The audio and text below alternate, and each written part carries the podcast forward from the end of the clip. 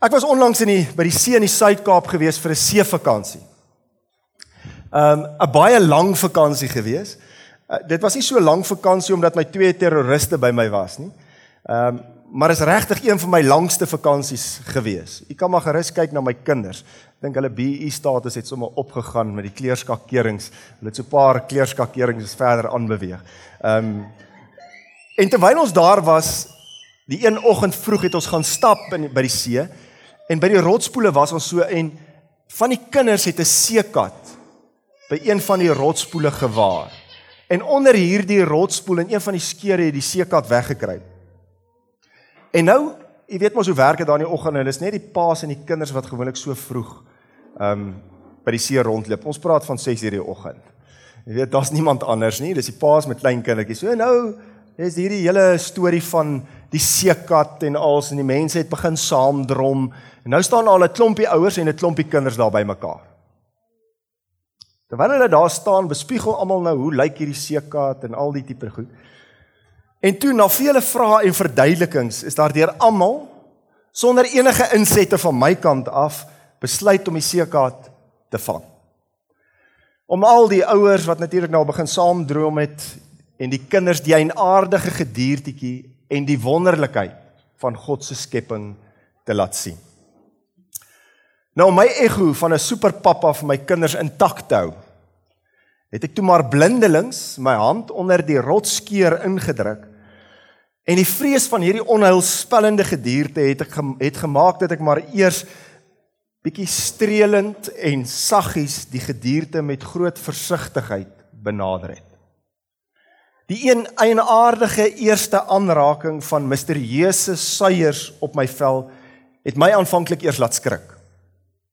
Maar mettertyd het ek besef, weet wat? Die seekat was net so blindelings in hierdie situasie gedompel met waarskynlik meer vrees as net 'n moontlike verlore ego. Nou ek weet nie wie se kleurskakerings het die meeste verander met hierdie eerste aanraking tussen my en die seekat nie. Maar stadig toe ek my hand so onder die rotskeur inhou, het haar tentakels my vel betas, verken en streelend soekend die onbekende begin ontdek. Ons het mekaar se vrees letterlik aangevoel. Nou ja, ek wil hom net noem. Hierdie is nie 'n kort uittreksel uit 'n hygroman nie.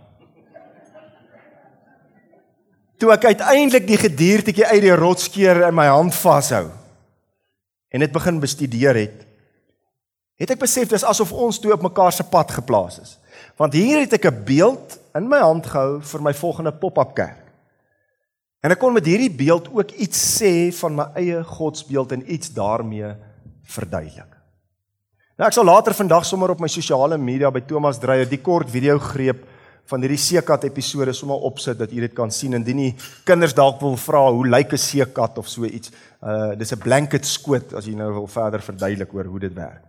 Maar 'n seekat het 8 arms, weet ons. Hulle praat eintlik van 6 arms en 2 bene.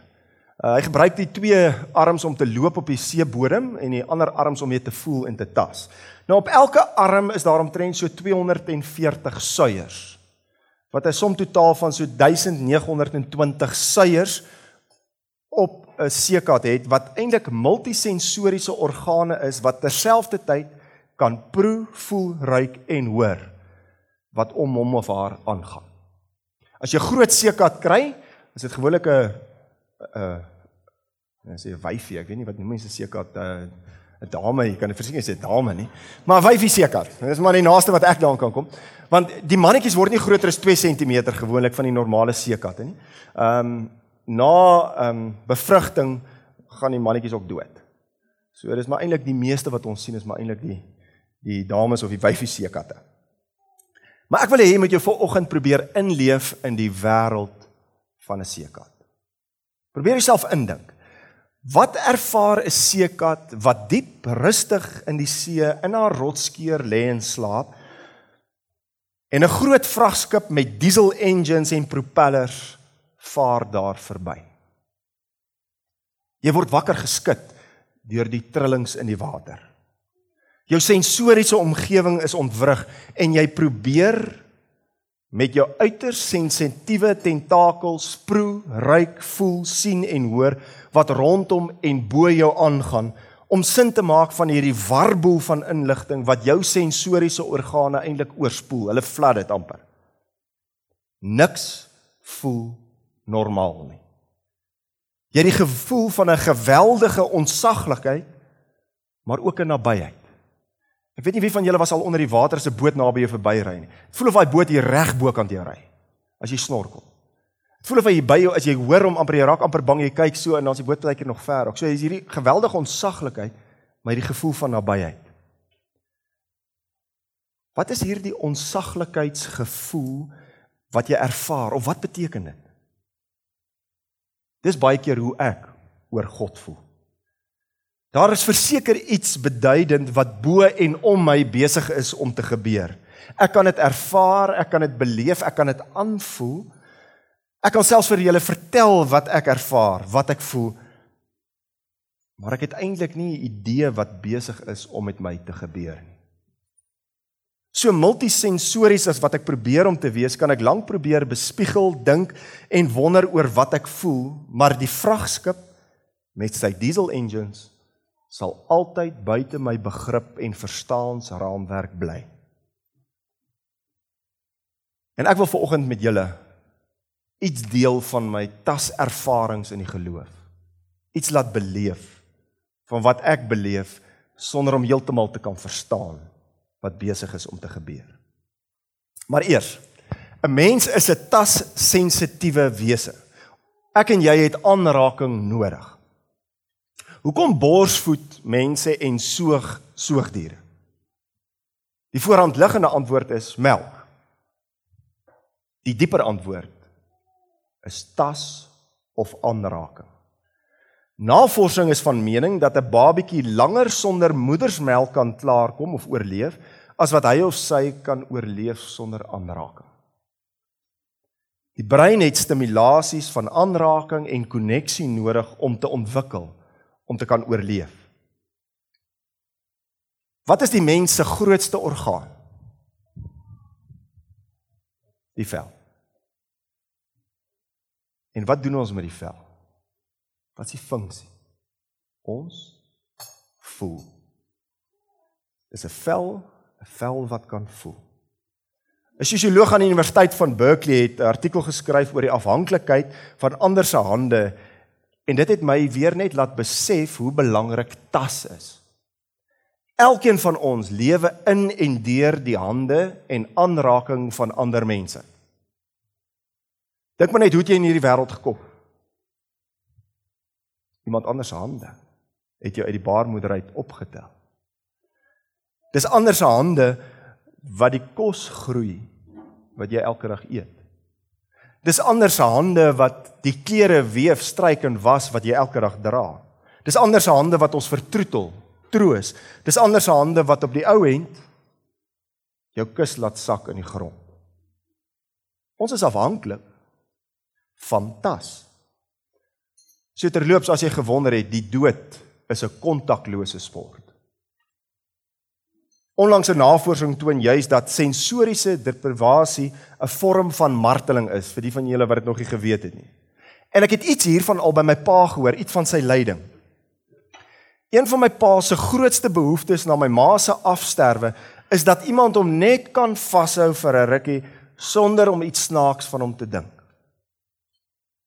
As my en jou lewe so gedryf word, so geïntegreerd afhanklik van tas en aanraking is, hoeveel te meer moet ons geloof, die kerk en plekke van aanbidding mos tasvriendelike tastuistes wees. As die kerk tasvriendelike tastuistes is, sal ons begin besef dat God konnekteer met ons deur menslike aanraking. Kom ons vat 'n gedeelte in die Bybel wat raak aan die idee van tas. Ek lees vir julle gedeelte uit Markus 1 uit. Markus 1 vanaf vers 40 tot 42. Dis net 'n paar verse. Jy kan dit gerus gaan lees by die huis. Daar's 'n gedeelte vooraf wat gaan oor Petrus se genesing van sy skoonma. Daar kom toe 'n melaatse man na hom toe wat smeekend op sy knieë voor hom neerval en vir hom sê: "As u wil, kan u my gesond maak." Jesus het hom jammer gekry, sy hand uitgesteek en hom aangeraak. Hy sê toe vir hom: "Ek wil word gesond." Sy melaatsheid het onmiddellik verdwyn en hy het gesond geword. Jesus het hom jammer gekry, sy hand uitgesteek en hom aangeraak. Terwyl ek hier is, ek wil net gou kom ons sê dit maar die tema vandag touch base met die kombuis. Hulle kan solank ons het so 15 minute, 20 minute oor so hulle kan begin met daai ontbyte. Jesus het hom jammer gekry, sy hand uitgesteek en hom aangeraak. Wat 'n tipe mens is Jesus? Hy's 'n tasmens. Hy raak aan mense. Hy genees blindes se oë deur modder aan hulle te smeer. Hy genees Petrus se skoonma in die gedeelte wat ons nou gelees het vooraf. Hoe? Hy het haar in die hand gevat en haar gesond gemaak. Ja, Iris se dogtertjie. Hy het haar in die hand gevat en gesê: "Staan op." Dink bietjie mooi daaroor. Hy's almagtig genoeg om mense te kan genees deur net 'n woord te spreek. Maar hy raak aan hulle. Hy het sy hand uitgesteek en hom aangeraak. Het julle al gedink wat het hierdie handeling van Jesus vir die melaatse man beteken? Kom ek vra dit anders. Wat is die man in hierdie verhaal se grootste behoefte? Waarskynlik. Kom ek verduidelik die agtergrond sodat jy die intensiteit van Jesus se optrede kan aanvul en die regte antwoord kan aanraak. Hy is malaats, daarom mag hy nie binne die stadsmuur die beskerming van die stad bly nie. Hy bly buitekant die stad tussen die grafte. As iemand nader gestap kom na die stad toe en hulle sien hom en hulle kom te naby hom, dan moet hy hardop uitroep sê die wet: Ek is malaats, pas op. Moenie nader kom nie. Niemand iemand raak ooit aan hom nie. Dis niks anders as 'n marteling eintlik vir hom. Hy word gedepriveer van aanraking. Wat is sy grootste behoefte? Net dat iemand aan hom kan vat. Net vir 'n oomblik, soos my pa kan voel dat iemand vir hom omgee.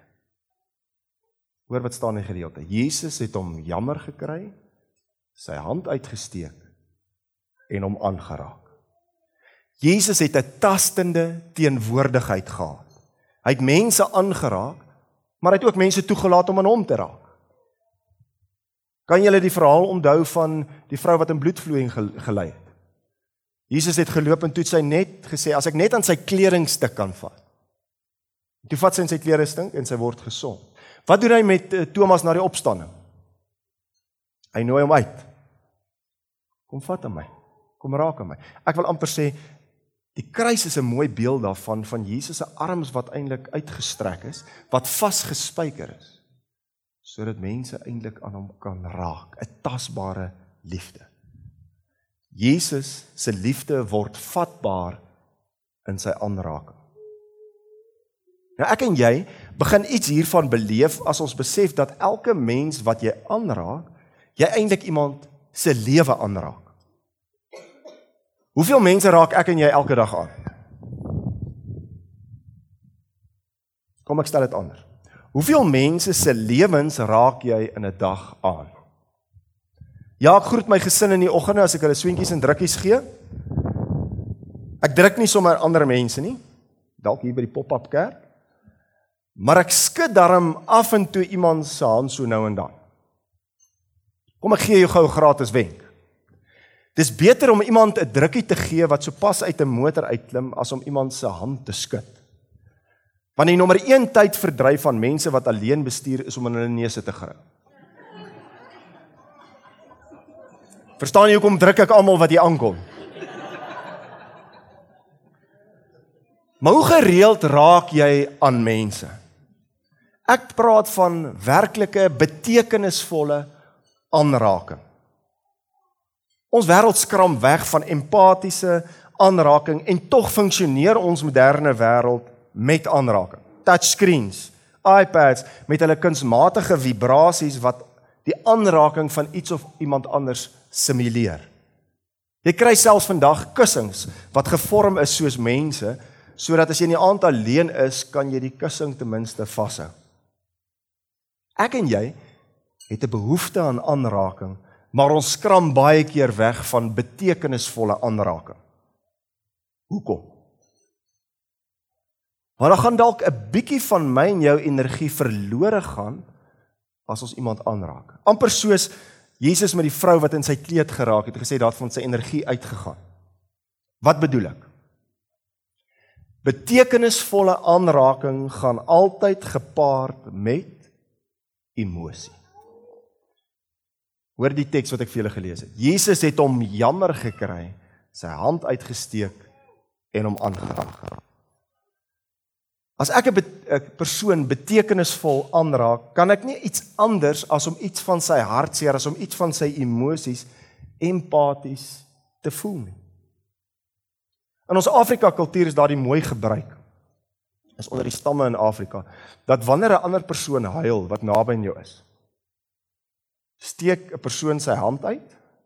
Hy vat die trane op die ander persoon se wang en hy smeer dit op sy eie wang om eintlik te sê ek voel fisies jou pyn. Maar in ons moderne wêreld is hierdie nie so 'n tasbare ervaring. Dink gou 'n bietjie hoe werk dit in 'n hospitaal? Hulle mag jou vol naalde en pype druk, maar niemand sal jou waag om jou 'n drukkie te gee nie. Indien hulle jou aanraak, sal dit met latex handskoene wees om die aanraking so koud en klinies as moontlik te hou. Hoekom? Ja, daar is reëls en regulasies vir goeie redes, aansteeklike siektes en onder andere 'n klomp ander. Maar ek wonder of hulle al regtig gedink het wat sal dit beteken as 'n verpleegster of 'n dokter sy latex handskoen uittrek het iemand se hand te drukkie gee terwyl hy vir hom die nuus gee van 'n kwaadaardige gewas. Ek het hiervan bewus geword toe ek 'n sterwende HIV persoon gaan besoek het in die hospitaal. Ek het self gewonder hoe ek hierdie situasie gaan hanteer. Mense is mos maar bang veral die hier in die begin, toe hierdie stories begin deurkom met deur die oppervlakte. En ek het intensief ingestap en ek het besef wie wat is net nog 'n skepsel van God wat sy liefde nodig het. En ek het my hand uitgesteek, sy hand gevat en ek het vir hom gebid. En interessant is dat toe iets met my gebeur. Want in sy oë het hy vir my 'n kyk van waardering gegee. Dat ek hom nie vermy het of weggeskram het omdat ek bang was vir aansteeklikheid nie. Wat probeer ek sê? Ek en jy raak gereeld onbewustelik mense in ons taslose wêreld aan. En meeste van die tyd wat ek en jy mense aanraak, is dit nie eers fisies nie. Selfs as jy net op die foon is, raak jy iemand aan met jou stem. Jy kan iemand raak deur net die kyk wat jy gee. Die HIV persoon wat vir my gekyk het. Kom ons vat 'n ander voorbeeld. Jou skelwoorde tref mos iemand op die plek waar dit die seerste maak. Dis niks anders as aanraking. En daarom wil ek jou vandag uitdaag.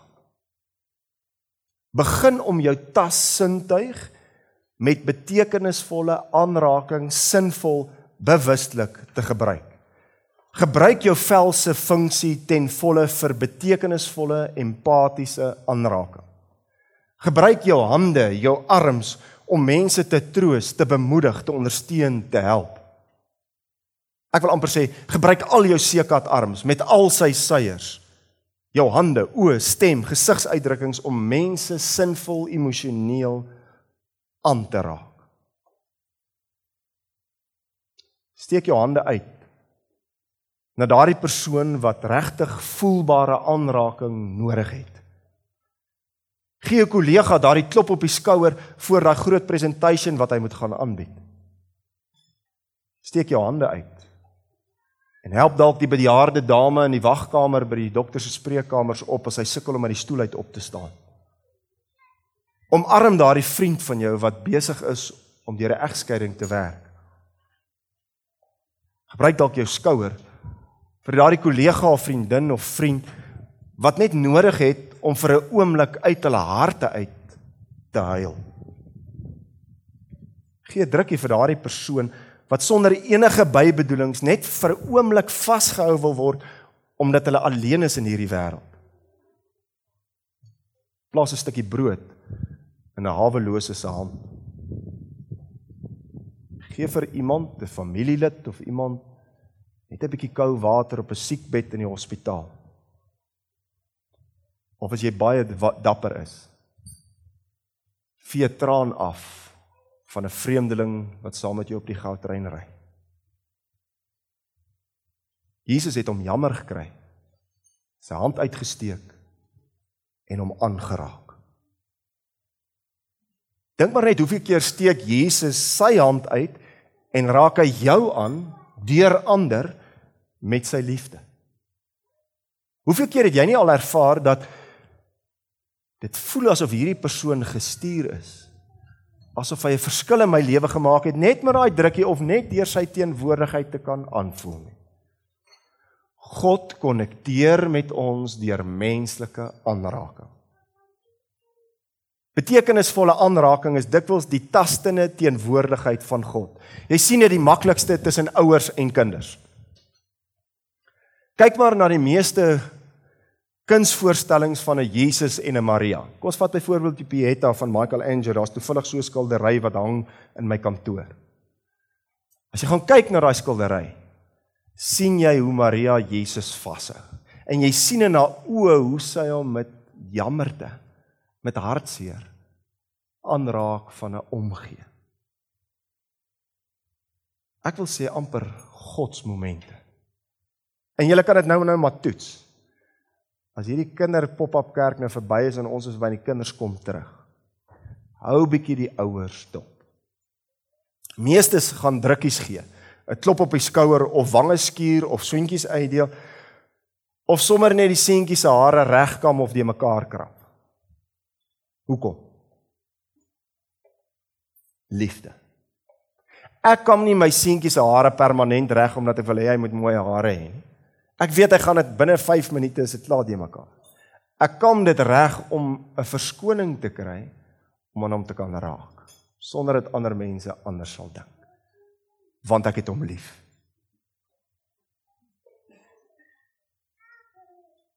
Ek wil liefde gee want die interessante is as jy mense met liefde aanraak gebeur daar wonder.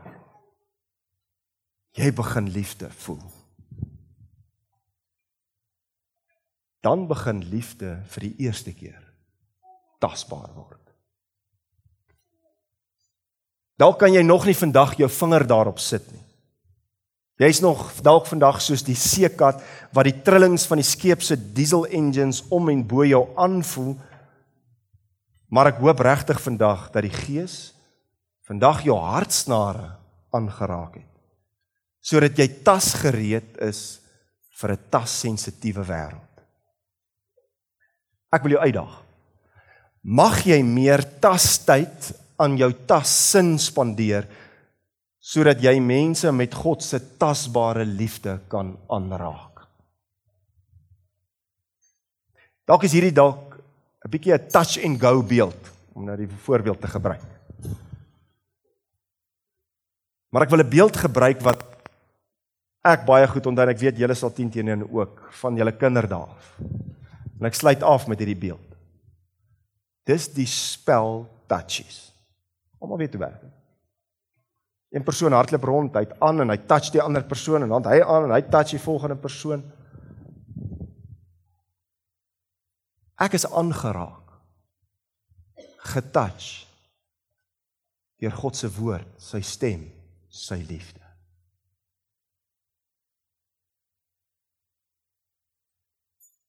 En om die spel te gebruik. Touch. Jy dalk